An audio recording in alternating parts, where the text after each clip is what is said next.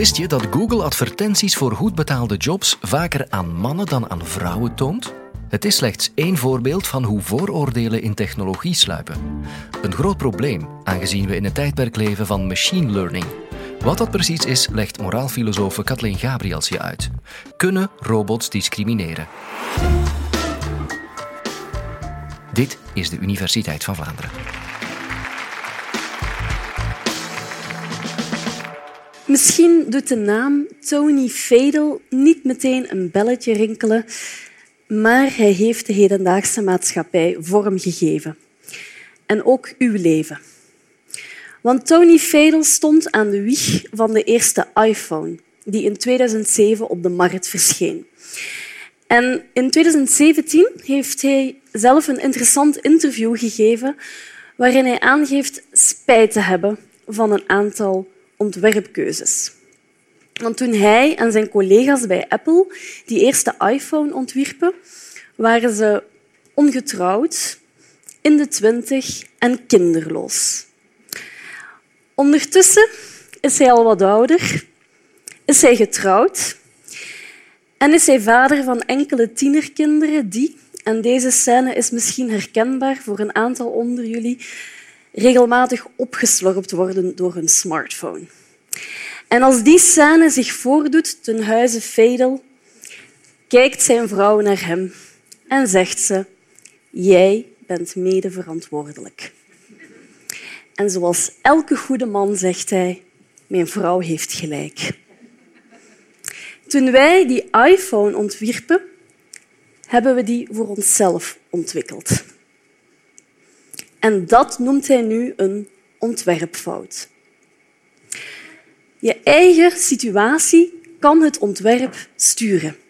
Dat is een heel interessant voorbeeld van hoe mensen ook spijt kunnen krijgen van een aantal ontwerpkeuzes, maar ook van de valkuilen als je je eigen leven, in dit geval je eigen kinderloze leven, als norm gaat nemen. En Tony Fadel had dat door. Ontwerpers nemen nog te veel zichzelf als norm. En daar moeten we ons bewust van zijn.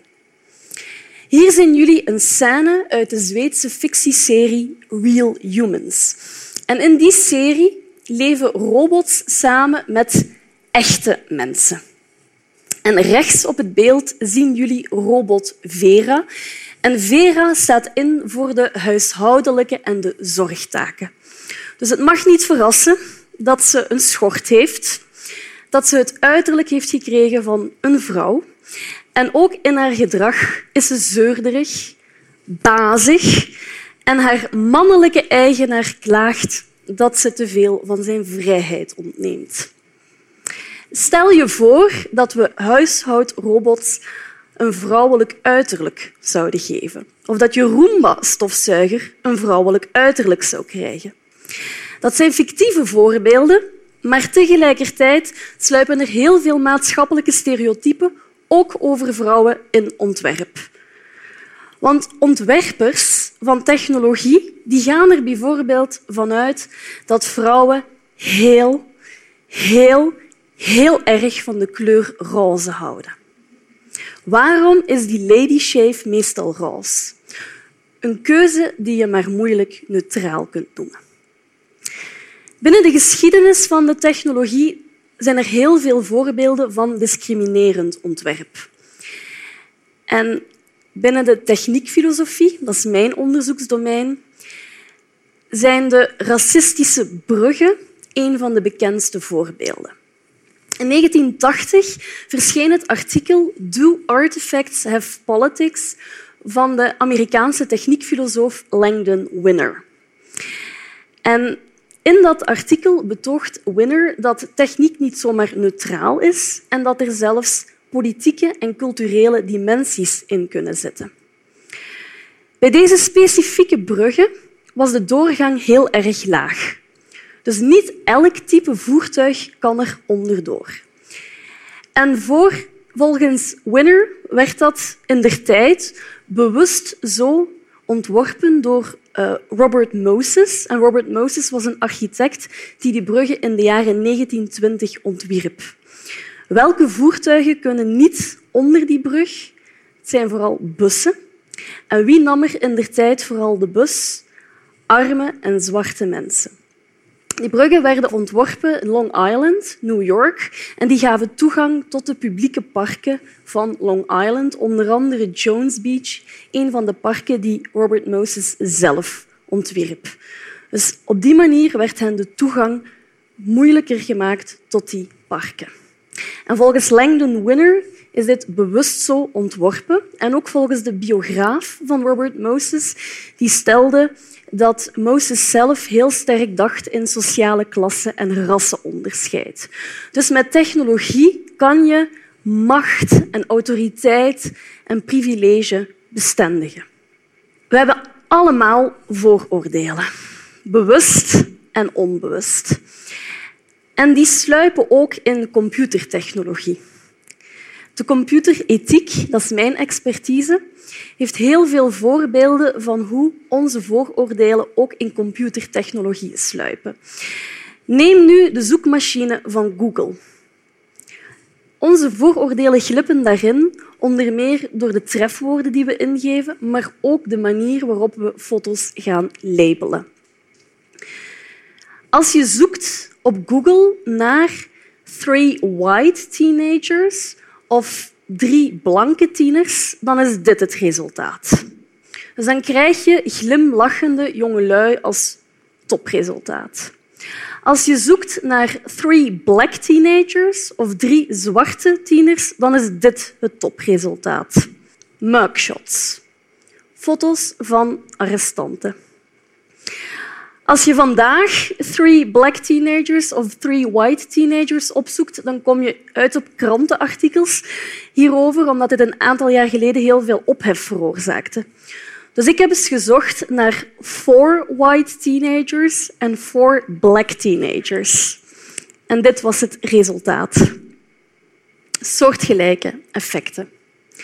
En er zijn nog verrassende resultaten.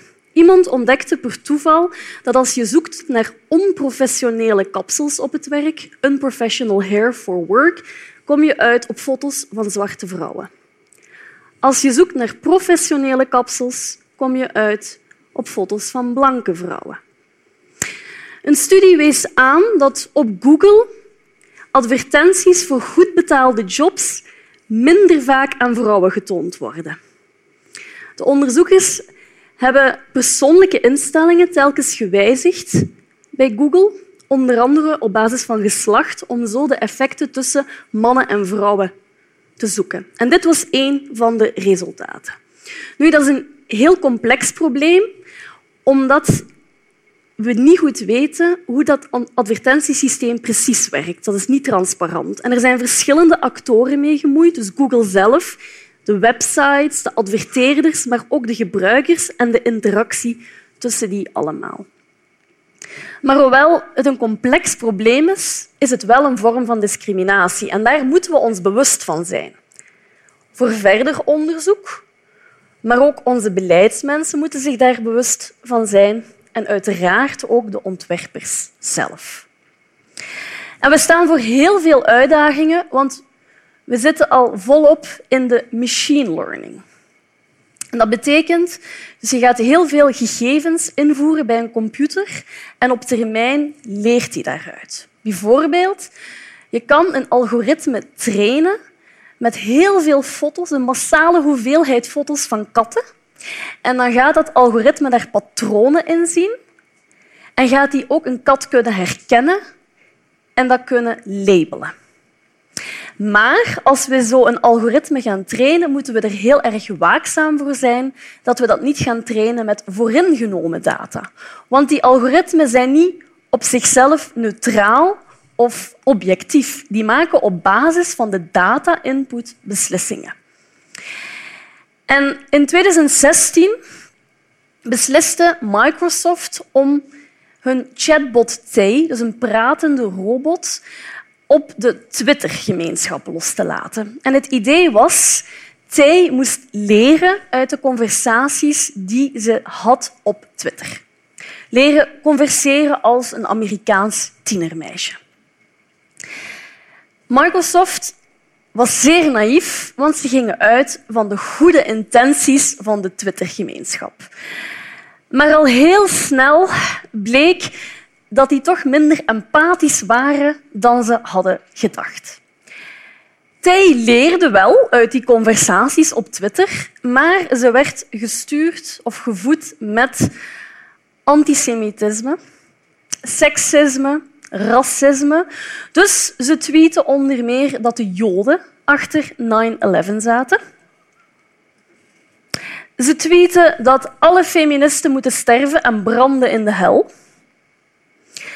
En ze prees Hitler. Binnen de 24 uur is zij offline gehaald. Uiteraard, er waren al heel veel screenshots van die tweets enzovoort. Die zijn voluit, volop gedeeld. Microsoft heeft een publiek statement uitgebracht waarin ze toegaven dat de uitdagingen met algoritme, met machine learning, niet alleen technologisch van aard zijn, maar ook sociaal en ethisch. Technologie wordt niet in een vacuüm ontwikkeld, maar midden in een maatschappij. Een ander voorbeeld. Vandaag de dag worden al heel veel cv's gescand door algoritmen. Op zich is dat positief, ook om de werklast te verminderen, zeker in bedrijven waar veel cv's zijn. En je kunt ook zeker zeggen, een menselijk oog heeft ook vooroordelen. Dus daar, misschien is het zelfs beter om die uh, cv's te laten scannen door algoritmen. Maar ook daar moeten we waakzaam zijn, want die algoritmen kunnen ook discrimineren. Neem nu de postcodes. In Nederland zijn postcodes nog veel specifieker dan België. Dus na de vier cijfers komen twee letters in Nederland die de buurt en zelfs de straat aangeven. Voor een mens is het onmogelijk om te onthouden wat allemaal slechte buurten zijn. Slechte wijken, problematische straten. Voor een computer is dat niet zo moeilijk. Dus in principe zou die technologie kandidaten uit slechte buurten kunnen wegselecteren. Dit is natuurlijk een heel negatief voorbeeld en machine learning heeft ook ongelooflijk mooie kanten. Zo hebben ze algoritmen getraind met een massale hoeveelheid foto's van melanomen, van huidkanker. En daaruit bleek dat die algoritmen even goed zijn als een dermatoloog in het voorspellen van huidkanker. Dus er zijn fantastische resultaten. Maar nogmaals, je moet heel erg waakzaam zijn met welke data je die gaat voeden. En om die reden krijgen alle ingenieurstudenten eh, op de TU Eindhoven, waar ik werk, eh, vakken ethiek. Om hen te leren of inzichten te geven in de ethische gevolgen van een ontwerp, maar ook om samen met hen te zoeken naar mogelijkheden om je blik te verruimen en zo verder. Om terug te komen tot de centrale vraag: kunnen robots discrimineren? Heel veel robots maken gebruik van machine learning en zelflerende algoritmen.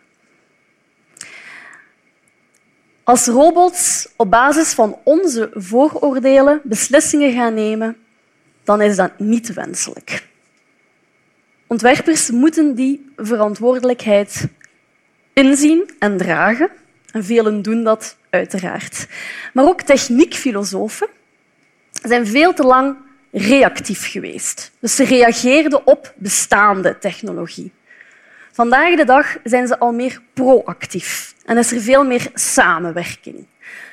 Samen met die ingenieurs nadenken over goed ontwerp. Over hoe dat we die waarden, die vooroordelen, dat we daar bewust van zijn en dat we die kunnen vermijden. Maar ook die bewustwording dat we heel vaak die impliciete vooroordelen hebben. En ik denk dat dat de weg is die we moeten opgaan. Veel meer die samenwerking en die bewustwording. En ik denk ook dat Tony Fadel mij daar gelijk in zou geven. Want dat had hem veel ruzie met zijn vrouw uitgespaard. Dank u. Daar word ik niet bepaald vrolijk van. Waar ik wel vrolijk van word, de podcast van Universiteit van Vlaanderen. Beluister, like en deel, lieve luisteraars.